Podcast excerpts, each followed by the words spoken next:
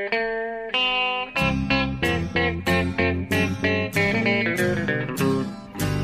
out there, we're on the air. It's hockey night tonight. Tension grows, the whistle blows, and the puck goes down the ice. The goalie jumps and the players bump, and the fans all go insane. Someone roars, Bobby scores at the good old hockey game. Oh, the good old hockey game is the best game you can name. And the best game you can name is the good old hockey game. Hallå, hallå, hallå, hallå, hallå allihopa! Då är det dags för NHL-podd igen. Vi har kommit fram till avsnitt nummer 108. Och eh, vi är mitt uppe i Stanley Cup-finalen och jag hälsar med varm hand eh, välkommen Per Bjurman i San Jose. Hur är läget? Tack, är fint. Ja, jag befinner mig i San Jose i norra Kalifornien. Mm. Eh, och hade önskat att jag kunde göra som du när du var här i, i, för några månader sedan och satt på en balkong så man kunde Ja. höra fågelkvitter så. För det är eh, gnistrande vacker sommardag. En till här i San Jose. Det är det, ja. Knallblå himmel och, och lagom varmt. Och fåglarna kvittrar verkligen där ute men jag sitter inne på ett hotellrum i downtown utan balkong. Så jag, eh, vi får försöka ordna det ändå. Jag lovar att jag är här, jag ljuger inte. Nej, det, det har jag eh, goda bevis för. Så det, det betvivlar jag inte. Nej, jag hade en schysst vistelse. när Jag fick, eh, någon dag efter jag hade varit i Shark Tank så drog vi vidare till, till eh, vad heter det för något? Monterey. Mm. Eh, som vi kallas för Kaliforniens Torekov slash Båstad. Jag förstår. Och, eh, Och framförallt så finns det ju minnen från den store författaren John Steinbeck där. jaha, okej. Det är ingen som du har du, läst. du är lite mer intellektuell. Ja, du har inte läst din Steinbeck alltså. Tyvärr alltså. Det är för Skandal. dåligt. Skandal. För dåligt. Du måste, du måste göra lite annat än hockey också Jonathan. Jag kan inte bara hålla på. Nej, jag vet. Jag förstår det. Jag, jag eh, måste faktiskt eh, jobba på min cred-faktor. Nej, inte, inte för att det är cred, Nej, utan nej. för att livet blir ja. rikare. Ja, precis. Ja, det är bra. Ja, ja. Ja. Ja men eh, vi ska inte prata så men eh, jag, jag vill bara säga det, att det, det är väldigt mycket finare här i San Jose än vad jag minns det. För jag var, det är fyra, fem år sedan jag var här senast. Mm. Jag var här några gånger, då har det alltid varit lite grått och så. men- Fast det väl varit mitt i vintern då. Nu är det ju helt magiskt faktiskt. Ja, jo, jag kan tänka mig det. Är det och jag tycker jag har sett på bilder också så här från eh, gatorna, i alla fall närmast arena där, att det, är, det, är, det märks att det är Stanley Cup-final i, i San Jose. Alltså, de har väl hängt upp så här, eh, tröjor så här, som eh, längs med vägarna man ser och sånt där. Eller? Ja, men det är alltså absolut. Det är ju feber här. Eh, De har väntat länge på det. Det är inte så jättestort. Liksom. Så att, eh, eh, det märks i den kompakta stan absolut att, att eh, eh, det här är enormt stort. Det är ju första gången organisationen som har funnits i 25 år är i final. Och, eh, Ja. Det finns, eh, Peter DeBoer, coachen, pratade om det här om dagen att när de vann konferensfinalen han träffar människor som har haft säsongskort under alla de här 25 åren och kom fram med tårar i ögonen och förklarade hur enormt stort det här var. Ja. Och eh, eh, ja, det, det, det är som i Tampa i fjol ungefär. Jo! Det, det är ganska likt den stämningen hur hela stan har slutit upp bakom sina hajar. Ja. Skillnaden är att det är ännu bättre stämning inne i hallen. Alltså, Det händer alltså. ju- Det var det värsta.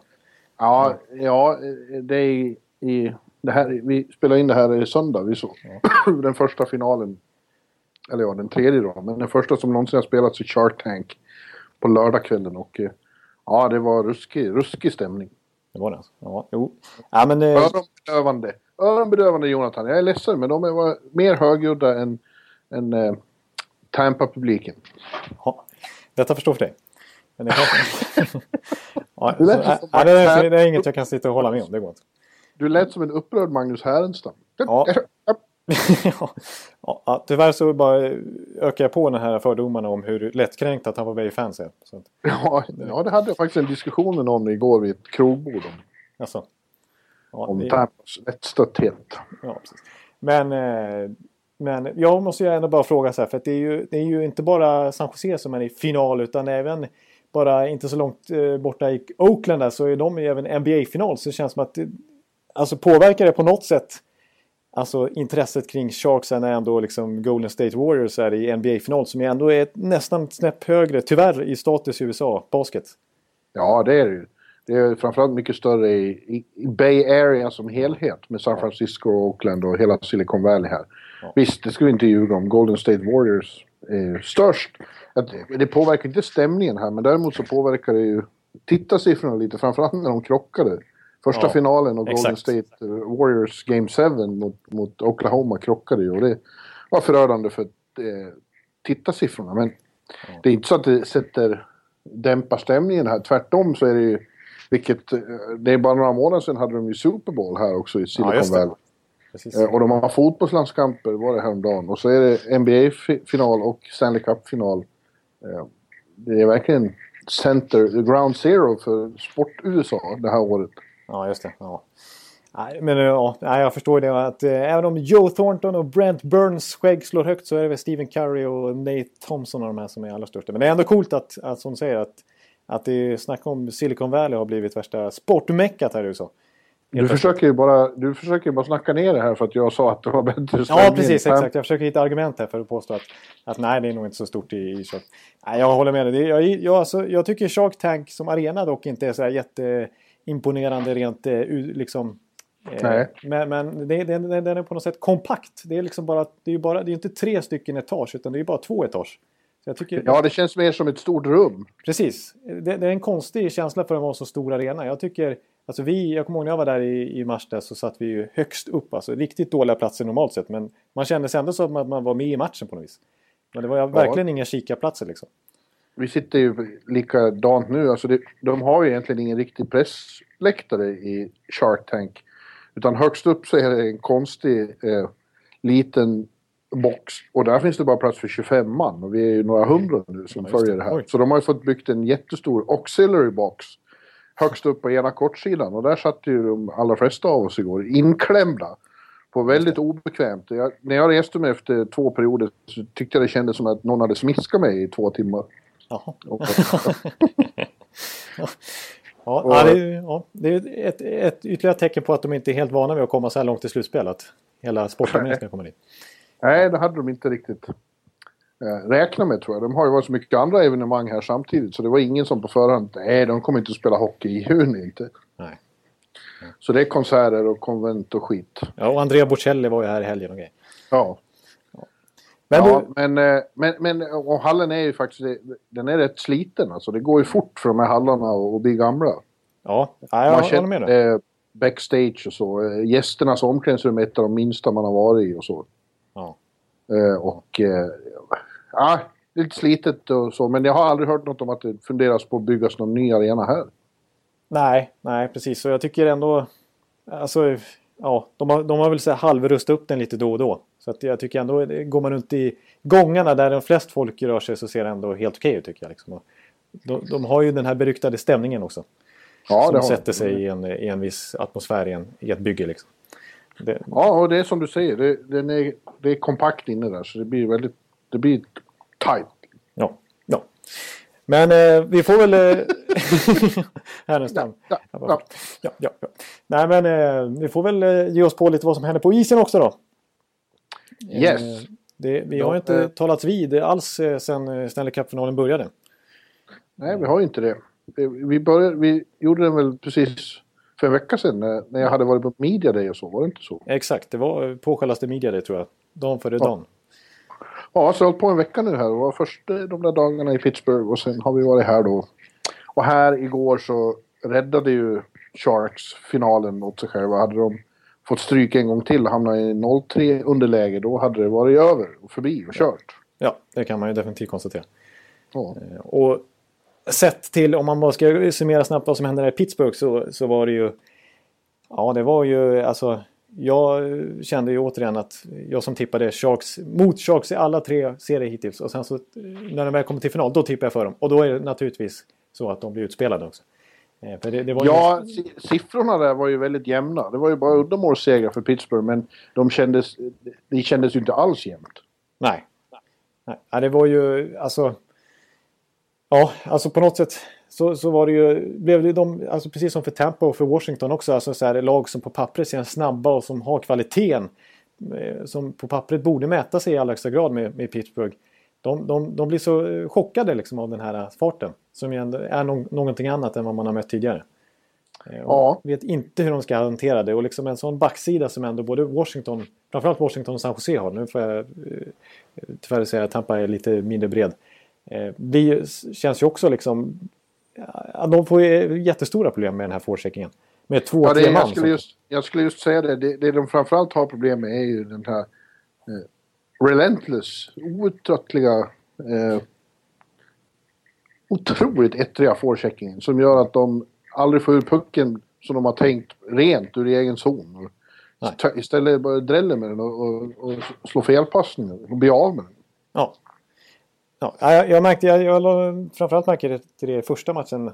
Man har ju lagt märke till alla matcher egentligen men när det är en sån som Paul Martin till exempel som jag tycker är smart. Eh, oh. Spelar enkelt, väldigt bra på att hitta lösningar i trånga situationer på ett enkelt sätt. Och liksom inte, han sticker inte ut på något sätt men han gör ändå, han får ut pucken ur zon på ett konstruktivt och bra sätt. Och han försökte spela på det viset mot, mot Pittsburgh när Rust och Sherry och Hörnqvist och så här satte press. Men och han började till inledningsvis när han liksom var någorlunda pigg i hjärnan och benen så gjorde han det ganska bra tänkte jag på. Paul Martin tyckte jag kände, visst han fortsätter att lösa det även mot Pittsburgh. Men sen när han började bli trött lite grann och skulle fortsätta att spela på sitt sätt så började han också kasta iväg puckar. Oh. Och då, och då liksom spela sig fast och, och, det, och då, det blev liksom hopplöst. Så det, det, den där forechecken är något, något alldeles extra som inte ens de bästa backar klarar av. Nej, och de, jag tycker att de med den forecheckingen också har äh, röjt några blottor hos San Jose som de tidigare motståndarna i slutspelet inte har kunnat utnyttja på samma sätt. Att det finns ett par backar där som inte är så jättehävliga ändå bakom Vlasic och Martin och, och, Burns. Jag tänker på Nej. Polak och Dillon och, och, och, även Brown som nu då har varit ett offensivt vapen och gjort 50% av målen nästan. Ja, det är ju, i sig är ju rätt bisarrt alltså. Eh. Men bakåt är de ganska osäkra. Det var ju en hemsk situation där när Hagelin snodde pucken av Polak, eller om det var Dillon. Ja. Eh, och spelade fram Kessel. Precis, och Polak låg och fiskade. Ja. snurrade runt som Dominik Hasek på marken ungefär. Ja, det är precis. Polak, det är ju många Sharks-fans som gärna ser att Polak petas och att de slänger in eh, DeMelo eller Tennyson eller Mueller eller vad, vad de nu har där bakom. För att Polak har ju varit så oerhört skrupplig och blottad. Men jag tror inte det... Eh, alltså... Ja, det är många backar som Penguins har avslöjat det här slutspelet. Ja, det är det.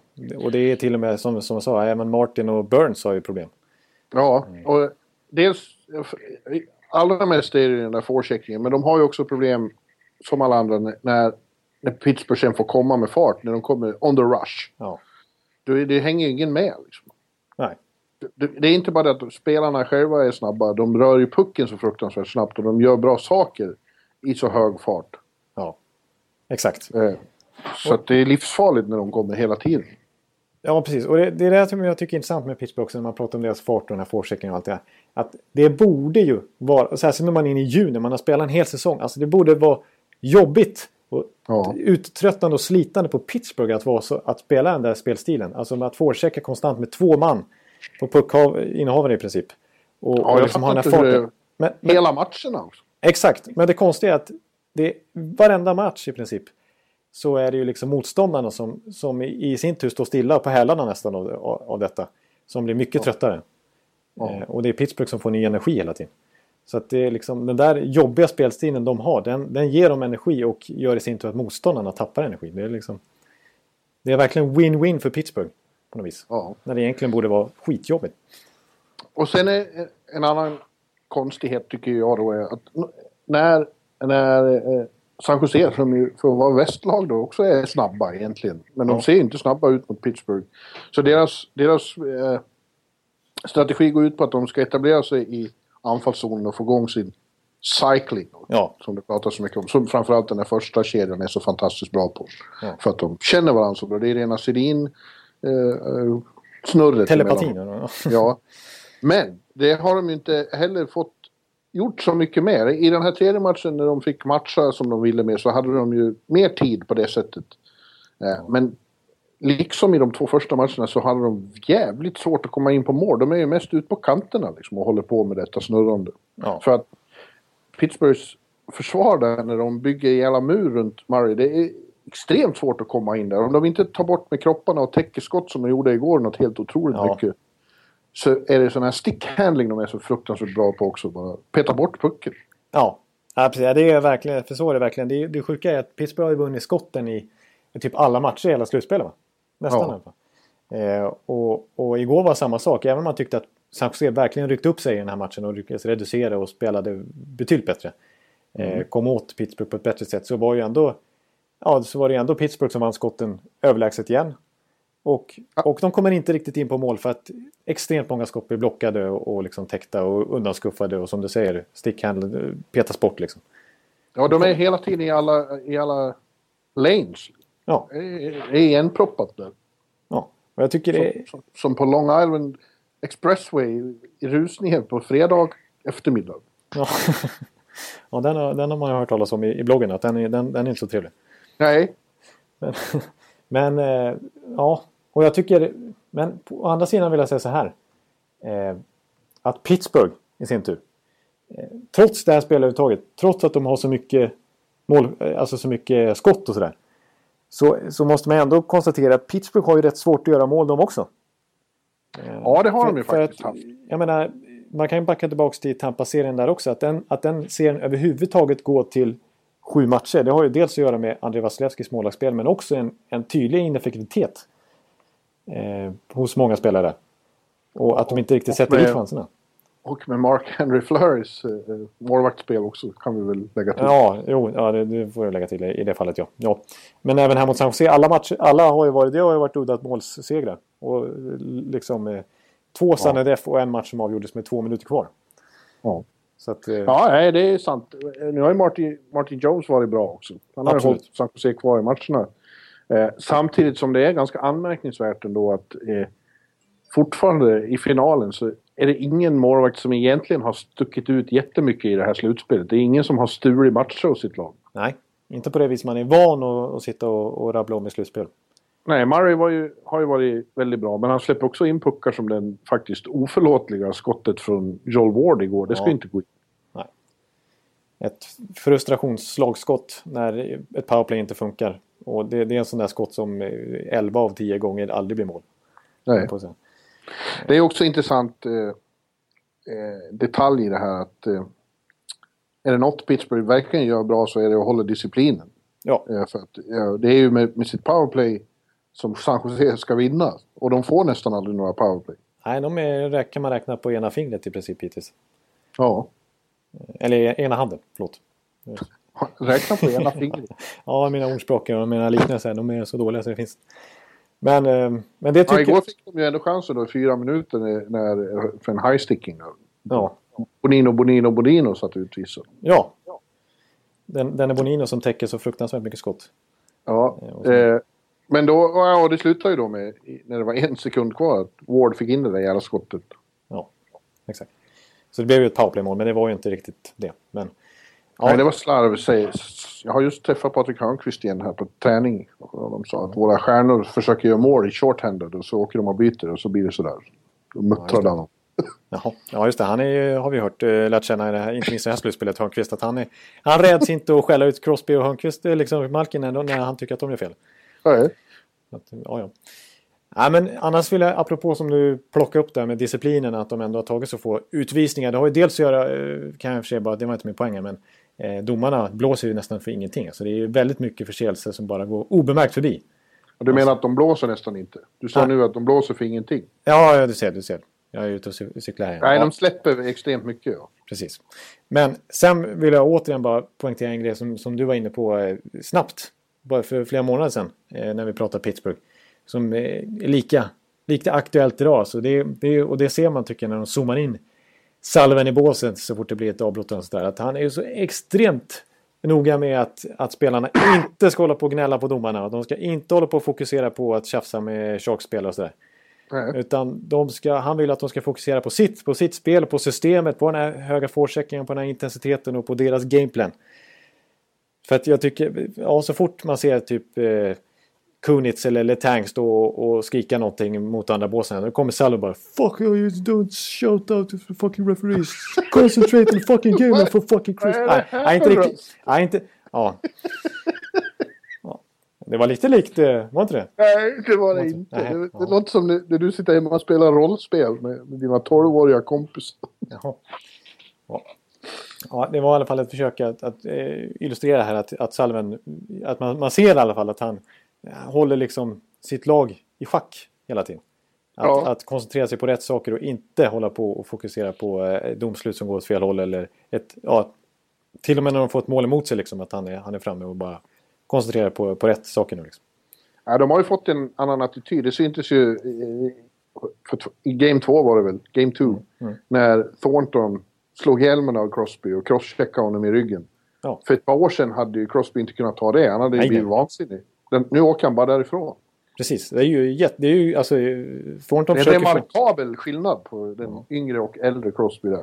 Ja, verkligen, verkligen.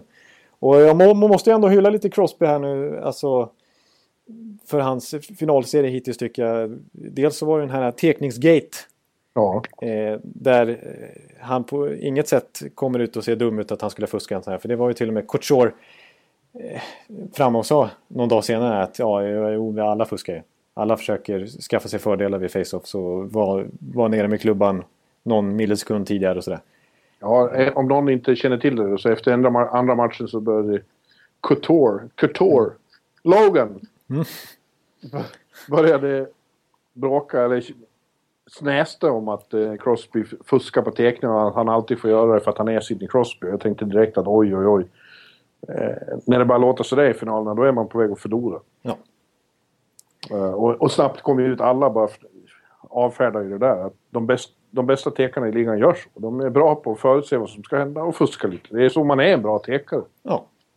Och jag känner i det här fallet att det var liksom, alltså, det var precis sådana här signaler att dels så är det San Jose som är frustrerat och försöker hitta anledningar och, ursäkter liksom. Eh, typiskt som det kan bli när, när man blir pressad och frustrerad och det inte riktigt studsar med en. Medan Crosby i sin tur inte ger sig in i något ordkrig här. Eh, det han gjorde var att en, en, det var ju han som ritade upp den där teckningen. Ja. Eh, Det var ju en teknisk variant som han hade liksom satt åt lagkamraten hur de skulle göra. Att Chris Letang skulle, han skulle vinna bakåt till Chris Le- Letang. De andra skulle störta mot mål. Conor skulle hitta en yta i slottet och skulle medan Sharks-spelarna pressade upp mot Letang så skulle han bara släppa in den där i slottet. Och så blev det precis så och så blev det mål. Det var ju Crosbys mål nästan eh, på många sätt. Och, Ja, jag han, tycker... Ja, förlåt. och det faktum också att, att både på träningen innan och träningen dagen efter som eh, i alla fall någon av dem var ju en optional skate när man inte ens behöver komma till träningen och det var bara 6-7 stycken spelare i Pittsburgh som kom. Så var Crosby en av dem och han stod nu mycket riktigt och tränade face-offs mot Eric Fear. Liksom. Ja. Så att det, det, det här säger ju bara om någonting om Crosby. Ja, jag tycker att han har varit en enastående general för Ja. Pittsburgh i den här serien. Fram till kanske igår, det var inte så jättebra. Eh, Nej. Men, men ändå, jag, jag, kan ju, jag kan ju säga att jag hör ju de som... Det är inte jag med, så skyll inte på mig. Men jag hör ju de som röstar om Conn Smythe. Ja. Att eh, Crosby ligger väldigt bra till. Är det så? Ja, Ja, okej. Mm. eh, så är det. Ja, men hur kommer det att gå nu då? Jonathan, ja, förresten. Ja. du, du, vi nämnde, vi måste faktiskt nämna det också. Vi, du sa att det var att, att det syntes att det var som folkfest här i San Jose. Ja. Eh, Pittsburgh, de här två finalmatcherna var ju också faktiskt helt eh, mindblowing hur Pittsburgh eh, enas kring, kring sitt hockeylag. Men inte bara det att det är fantastisk stämning inne i Console Energy. Man såg bilder på hur det ser ut en timme före match. Det var svart med folk runt hela arenan som samlas där och tittar på storbildsskärmen. Ja, precis. Det såg ut som på en jävla Ullevi-konsert. Ja. Ja, det får man faktiskt ge. Stålstaden Pittsburgh där. att Det är ett ruggig uppslutning kring sina sportlag oavsett vilket det är. Om det är Steelers eller Pirates eller, Mm. eller Pingvinerna, Pingvinerna. Ja.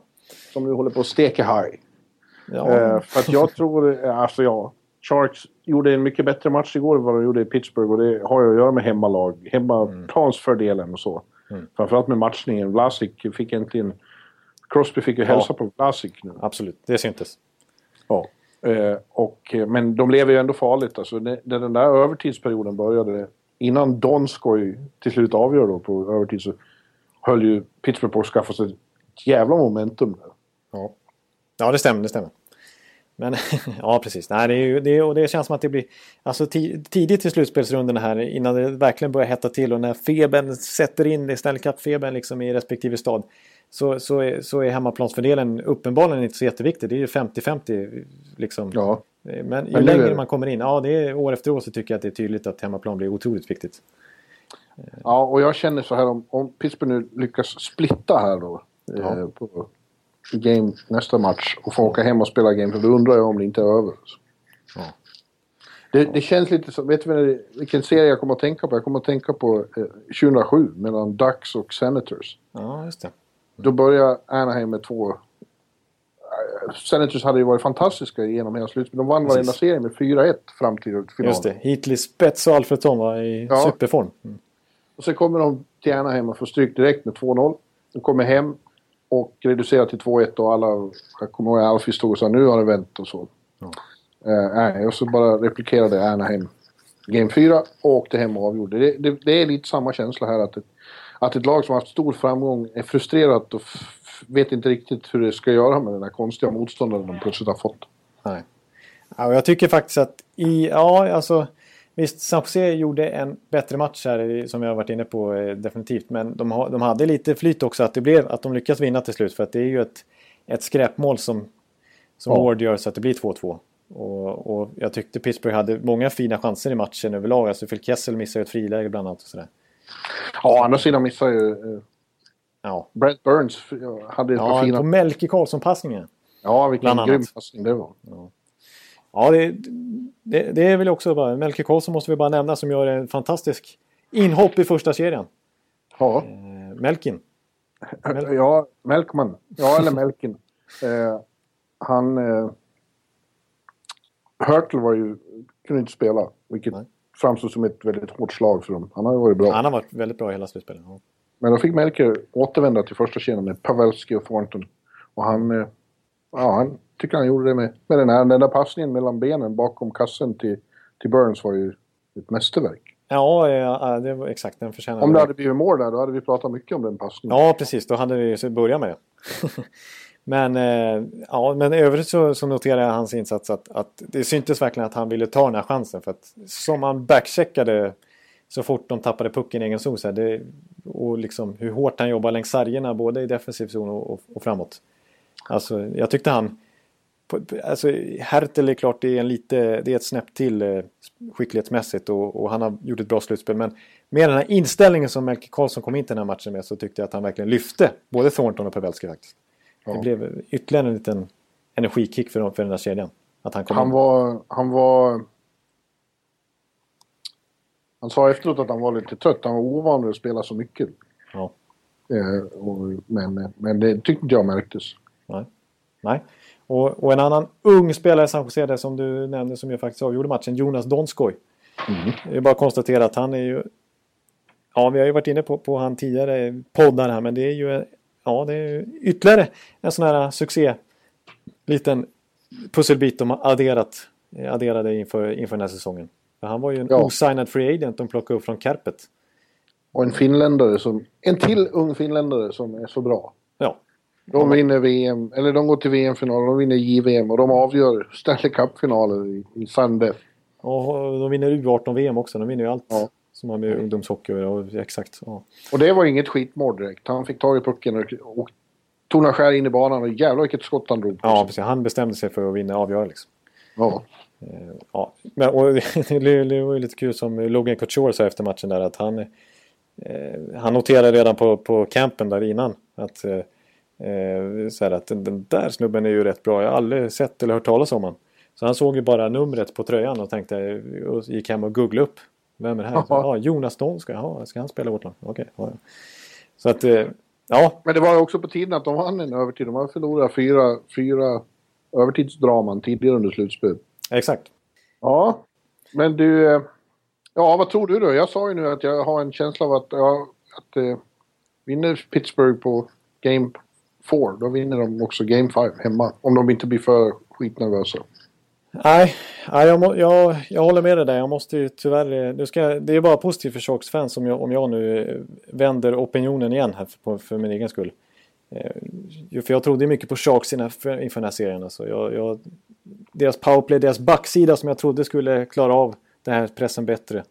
och eh, Thornton och, och, och, hela den offensiva bredden som är minst lika bra på pappret som P Pittsburghs. Eh, men nej, det, alla tre matcher så har jag faktiskt varit mer imponerad av Pittsburgh. Även igår faktiskt så tycker jag ändå att, att jag ser mer hos Pittsburgh som, som jag tror håller i längden. Eh, så att, ja. Om det, ja, jag, vet inte. Nej, jag, tror, jag, jag, säger så här bara att jag tror att de vinner på något sätt till slut i alla fall. Pittsburgh? Ja, precis. Alltså, ja. Det, om de vinner nu med, i, i nästa, liksom på hemmaplan i, i Game 5 eller om det blir Game 6 Game 7. Jag vet inte. Jag tror, jag tror bara helt enkelt att de vinner det. Eh, det kan ja. studsa hit och dit i några matcher men, men i, på, i längden tror jag att Pittsburgh kniper det. Så är det bara. Enligt mig. Ja. ja. Men du, vi, jag tänkte innan vi summerar. Vi, det blir lite kortare podd idag. Eh, ja, men, oj, oj jag, jag fick just ett... Det här kan väl avslöja eftersom... äh, jag fick ett... Äh, SMS? Fredrik Pettersson har gjort ut en äh, stor äh, Patrik Hörnqvist-intervju. Just det. Som jag har gjort. Och de, den är jävligt snygg. Ja, jag, jag, jag, precis innan jag klev in i poddrummet här så såg jag, såg jag när han satt och ritade det där uppslaget till tidningen. Jag såg att det var, såg bra ut. Ja, det såg jävligt fint ut. Så det kan vi göra reklam för. Gå och köp tidningen och läs om eh, Bengan. Ja, precis. Alltså, vi gjorde en intervju här mitt under pågående final. Vi gick faktiskt ut och fika och satt och pratade lite mer ingående än man kan göra i, i eh, omklädningsrum och så. Ja. Uh, och han ställde upp på det. Det brukar vara väldigt svårt att få till sånt på, under den här tiden på året. Men ja. Han var jävligt schysst och ställde upp på det. Så det blev och fint, fint utgjort, som vi säger. Ja, ja. Och det är lite kul, eh, alltså, jag har pratat mycket om Crosby i den här podden, att, att de, gick, de är 87 båda två gick i samma draft. Crosby gick först och Patrik Hörnqvist gick sist. Ja. Av alla liksom. Och nu spelar de ihop och är radarpartys kan man säga. Ja. Och skäller på varandra. Och skäller på varandra, ja precis. Exakt. Ja. Ingen respekt för vem som draftades först och så vidare. Mm. Men eh, jag tänkte, vi, vi har Eh, vi, vi, vi, tänkte ta upp några lite så här rykten och lite så det blir ingen riktig silly-podd här men, men bara, bara snappa upp några grejer som vi har noterat här den sista tiden. Eh, jag, tänkte, jag tänkte bara fråga snabbt vad du tycker om det här påståendet som Nick Kyprios kom med i veckan som inte är något rykte utan det är något som bara han tycker själv. Eh, Sportsnet är han väl på, eller om det är 10 Sportsnet tror jag att Kyprios är på.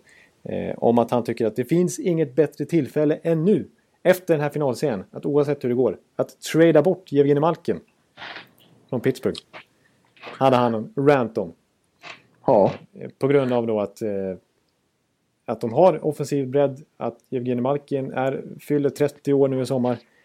Och att de kanske skulle behöva de pusselbitarna han skulle generera i en trade snarare än att behålla honom. Ja, ja, ja, ja det, du tog mig på sängen. Ja. Eh, men ja, det har jag. Sådana tankegångar har jag varit inne på förut. Men det beror ju helt på vad de får för honom. Och det, nu, då måste de ju få framtid och eller superback. Precis. Exakt. Ja, det, det är väl det jag känner också. Jag, jag kommer ihåg att i januari där när jag hade min, min i sin tur rant om St. Louis Blues. Ja, när jag hävdade att det, den här kärnan kommer aldrig att vinna någonting. Att de måste skaka om truppen lite grann för att kunna ta sig hela vägen i Central Division. Och det gjorde de naturligtvis i år och gick till finalen då, men då tog det stopp mot San Jose istället. Men då hade jag ett litet förslag, inte så jätteseriöst, men liksom bara en idé om till exempel att kanske offra en sån som Pietro Angelo om de kan få Malkin. Mm. Eh, alltså, och det i sin tur tror jag inte skulle vara så dåligt för Pittsburgh heller. Att få in en superback till. Nej, det är ju så. De har ju väldigt... De sitter i en jävligt trevlig situation på det sättet att de har ju bevisa här att de har enormt mycket bredd och en sån eh, superstar. Och kunna dingla framför andra lag. Ja. Måste ju vara angenämt. Ja, precis. Och det har ju tidigare i alla fall, nu, nu, nu vet jag inte om det, det känns som att det är rykten och det är sånt som inte Malkin har velat kommentera överhuvudtaget. Men inte minst förra sommaren var det ju, eh, skrevs det artiklar om att han inte trivdes i Pittsburgh och sånt där. Och att han kunde tänka sig att bli tradad. För han har ju en, en full eh, no trade-klausul och allt vad det heter. Som gör att han har väldigt stor makt över sin framtid. Och han har kontrakt 2022. Eh, men eh, så det, det är ju lätt att sitta här och spekulera. Är, i, i, slutändan så har ju till och med Malkin själv makt över om han vill, vill bli tradad eller inte.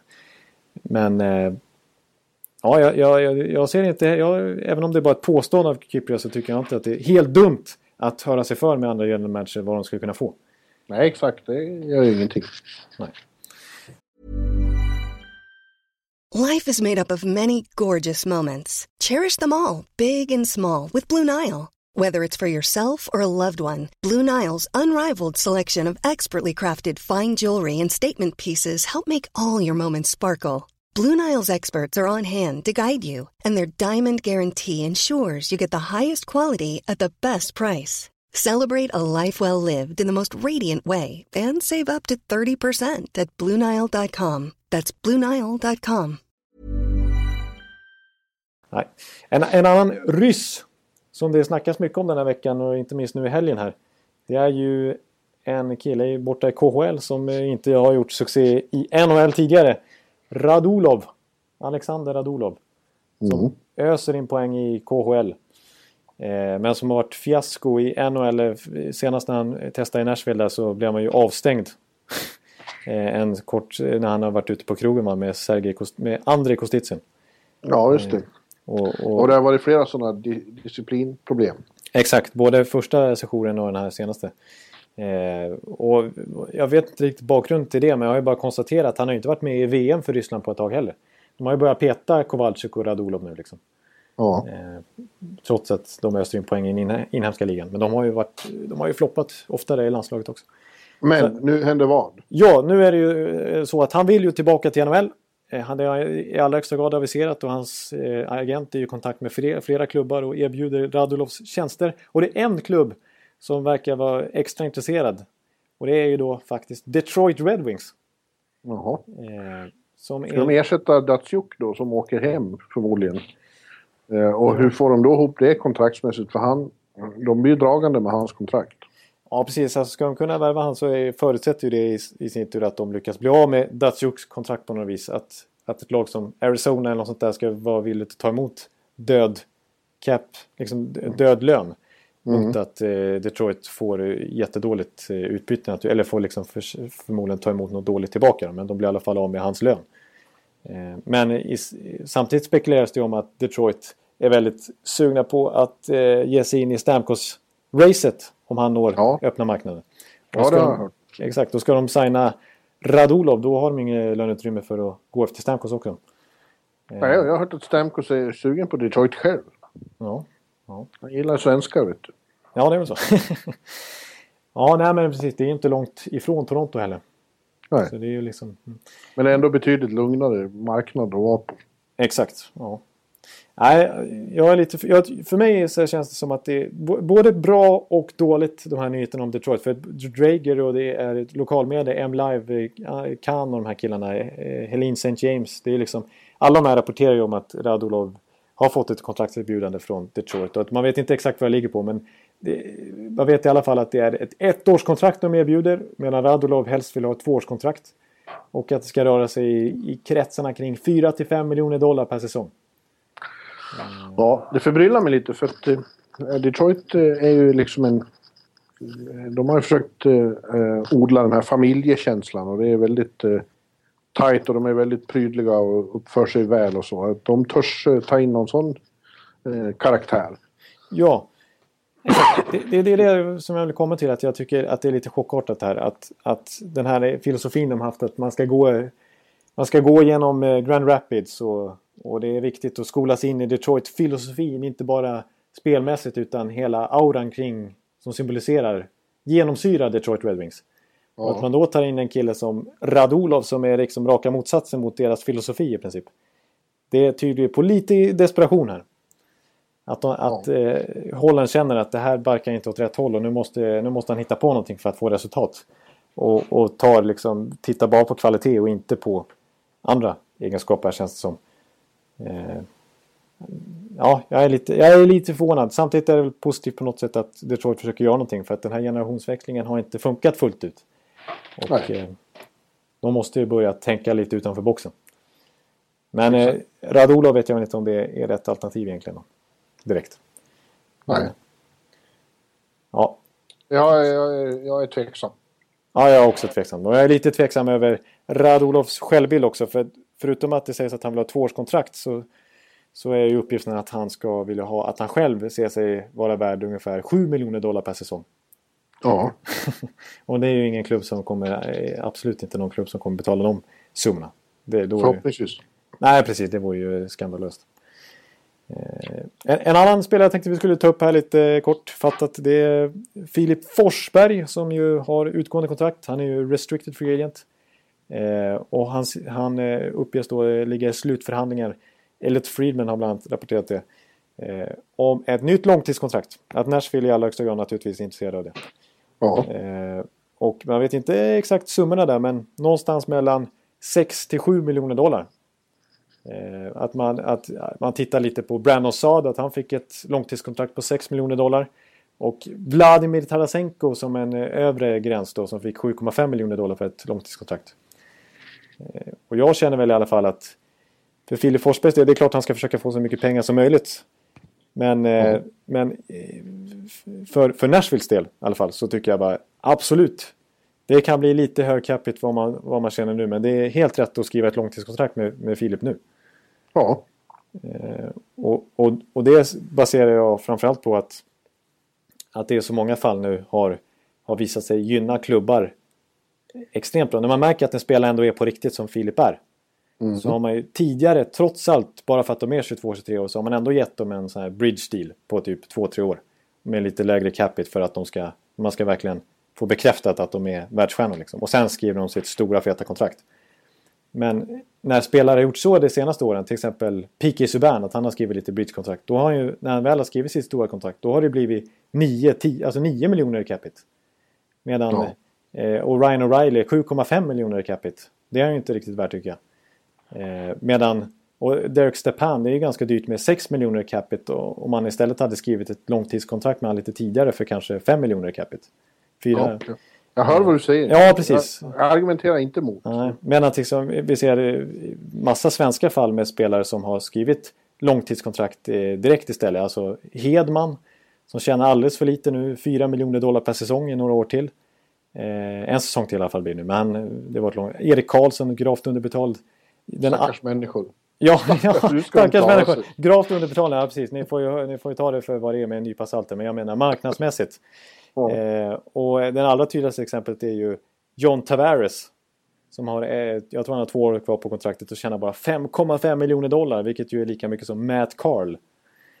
så att... ja. ja. Så att för, för klubbarnas skull så visst, det kanske just mot vad Filip Forsberg presterar just nu. Så att ingen har skrivit en protestsång om det här. Ja, precis. Det är kanske är något för mig. Jag som kan sjunga. Eller ja. Nej. Men eh, Ja, jag, jag, jag tycker Nashville i alla fall gör helt rätt här som i, i, verkligen i allra högsta grad ser ut att eh, vilja förhandla fram ett eh, långtidskontrakt och inte ett bridgeavtal.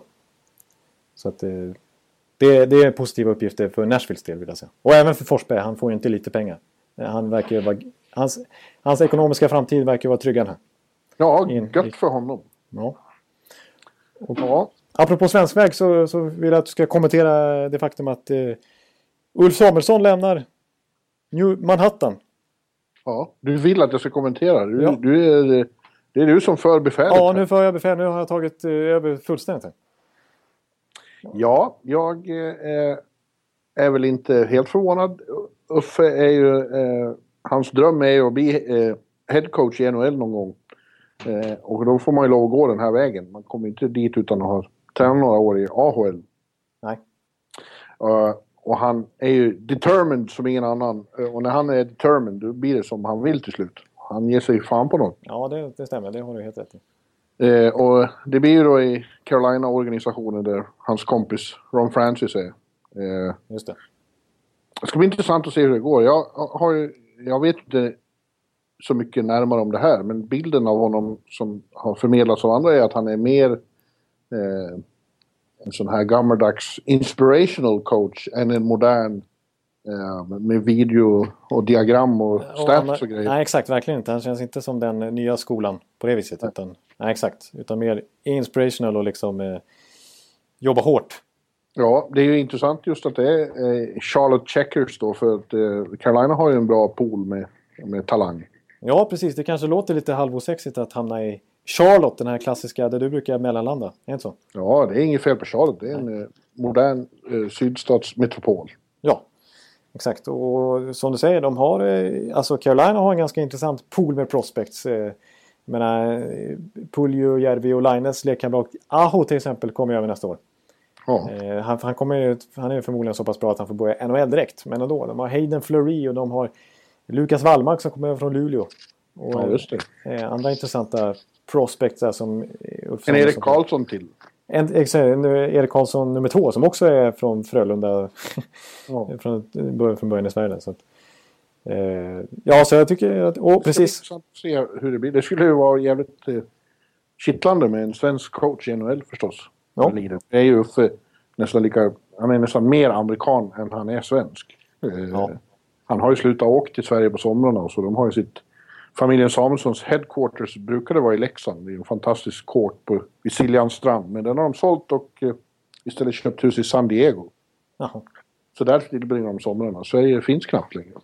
ja, det är så pass. det. Ja, ja nej, men och, och som du säger när, att många coacher gör den här resan genom AHL och som han blev eh, tipsad om att göra helt själv också.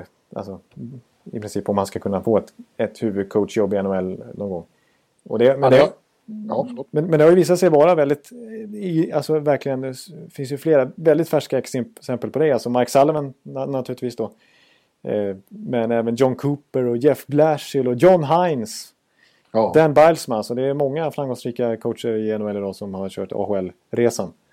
Ja, absolut. Det, det är säkert en jättebra väg. Och det är den bästa vägen att gå antagligen. Ja, ja. Att, Ja, eh, eh, men han är faktiskt inte först. Det är, det är faktiskt en svensk tidigare som har varit headcoach i AHL. Vet du vem? Ja, vem kan det vara? Nej, ja, nej, nej, nej, jag vet inte riktigt. Nej. Hans namn är Kjell Samuelsson var en säsong headcoach i Philadelphia Phantoms. Och Ja. fick sparken mitt under säsongen. Eller Ja, var han okej. nedflyttad och varit assistant till. Okej, så han, det, det, han gjorde inte så stort avtryck så att jag har lagt märke till alltså. Nej. Okej. ja. Ja, men det ska bli faktiskt spännande att se. Och jag tycker som du säger alltså att eh, just Carolina är ett intressant val också. Jag tror det blir bra. Även om de hade en tung säsong, både AHL-laget och NHL-laget i år, så har de ju en spännande framtida. Kommer att- Ja, du, nu får du rappa på. Jag ska gå ut och njuta av solen innan den går ner tänkte jag. Ja, precis. Ja, men vi, vi släpper lite det silly-snacket här, för det finns många namn vi skulle kunna gå igenom. Det kommer rykten dag efter dag, så det kanske blir inaktuellt till och med här när vi sitter och tjötar när det är så mycket spekulationer som eh, de andra 28 lagen håller på med. Du påstod ju att min vän eh, Frank Cervelli här hade sagt att det kan bli den galnaste sommaren någonsin. Ja, precis. Han skrev en krönika på TSN och släppte sin trade bait. Det vill säga inte free agent-listan här som kommer första juli. Utan trader tror jag han mycket på i sommar också. Han hade ju extremt många intressanta namn på den listan. Eh, Nu har jag inte den framför mig, men jag vet att... Nej, men det ska vi inte orka vi inte gå igenom. Nej, precis. Men det, det kan man googla fram där. Det var ju... Och det, det, jag håller inte för otroligt heller. Alltså det finns många eh, liksom, brickor som kan falla nu. Det kan bli nästan en domino- dominoeffekt efter, efter ganska många svaga både deadline-dagar och, och free agent-somrar. Han är en trevlig, trevlig filur. Frank Cervelli. Är det? Ja. Jo, han är... Nu, nu gick jag in på den länken så kom det... eh, ja, då slår de ju på den här jävla automatiska Ja, jag vet, jag vet. Usch. Det gör ni, Autostart. Det gör ni ju... Autos, det håller ni Precis. på med hemma också. Det är inte bra, det är inte bra. Nej, jag, jag, jag, jag kan inte stå för detta alltså. Nej. Ja, men du, du, du skrev ju något om Las Vegas där också. Det verkar ju helt klart nu. Eh, när vi är runt eh, NHL Awards om några veckor här, 21 juni, då kommer beskedet att eh, Las Vegas kliver in i ligan 2017-2018. Just det. Vi får där, därför en expansion draft nästa år. Precis, och detta vill man ju ha besked om eh, så snart som möjligt också för eh, inte minst general managers. Det är därför det blir, börjar bli lite bråttom att fatta det här beslutet nu. För att då ska ju som man säger expansion draft och det kommer ju påverka lagbyggena i allra högsta Ja, grad. det, det blir ett jävla hallå om det där. Det är ruskigt viktigt för general managers att ha koll på här i god tid så att de kan planera vilka spel de ska skydda och inte. och Sådär, apropå trader och sådär. Och vad de ska Ja. signa för spelare. Eh, så att, och det är lite, och apropå Carolina då med Uffe Sommers, Uff, ja. Eh, så kom det ju eh, någon text här nyligen om att eh, Carmanos, deras ägare, har blivit stämd på extrema pengar från sina söner. Ja.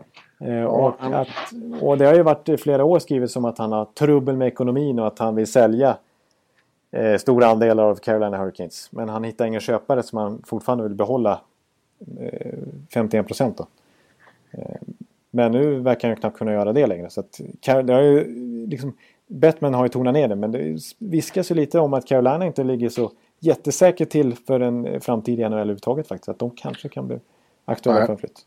Men de är definitivt med nästa säsong för nu är det för sent att ändra något. Ja, ja precis. Det, det, det kommer vara. Och så, så hetsnack är det inte än heller. Nej. Mm.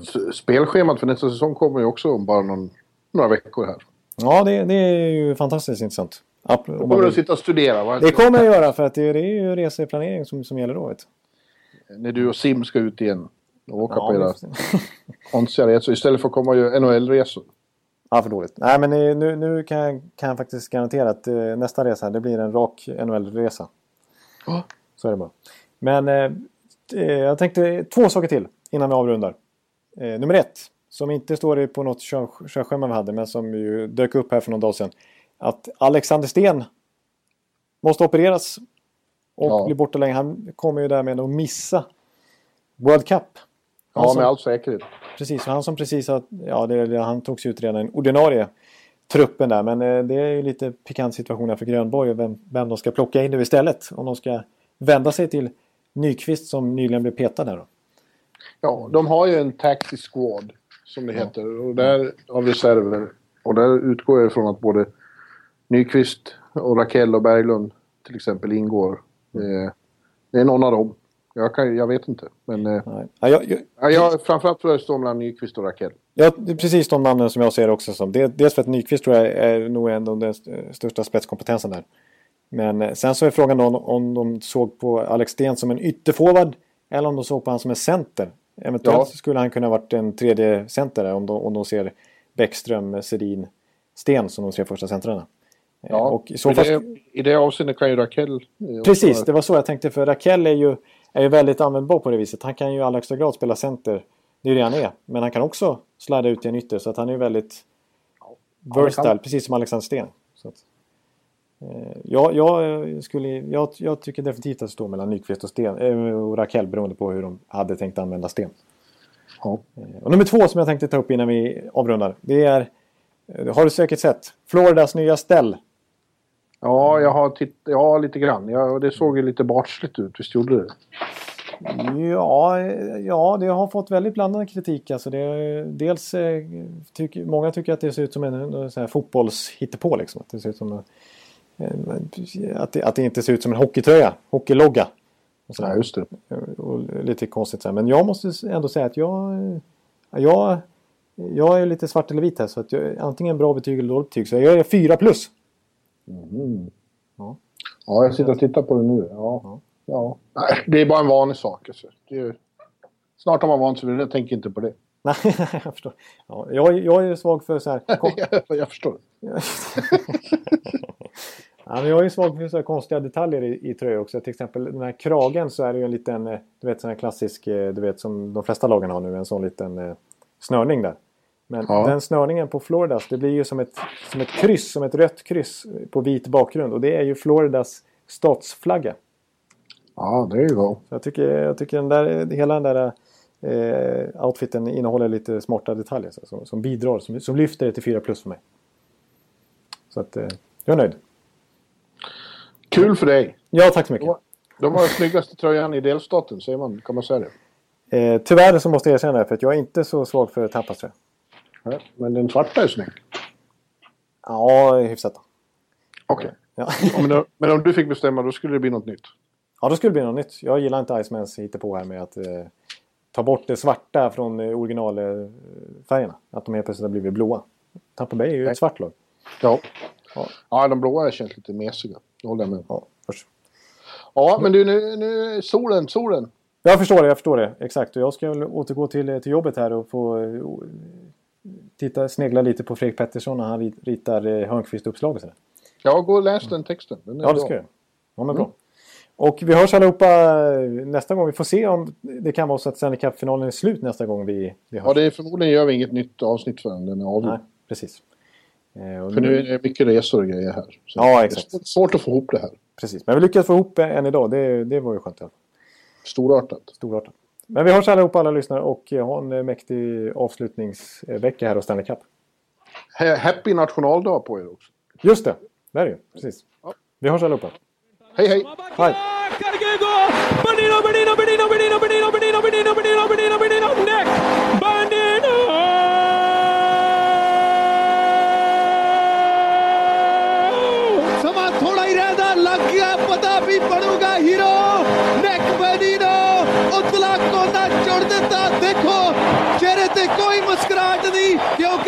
Zapata wie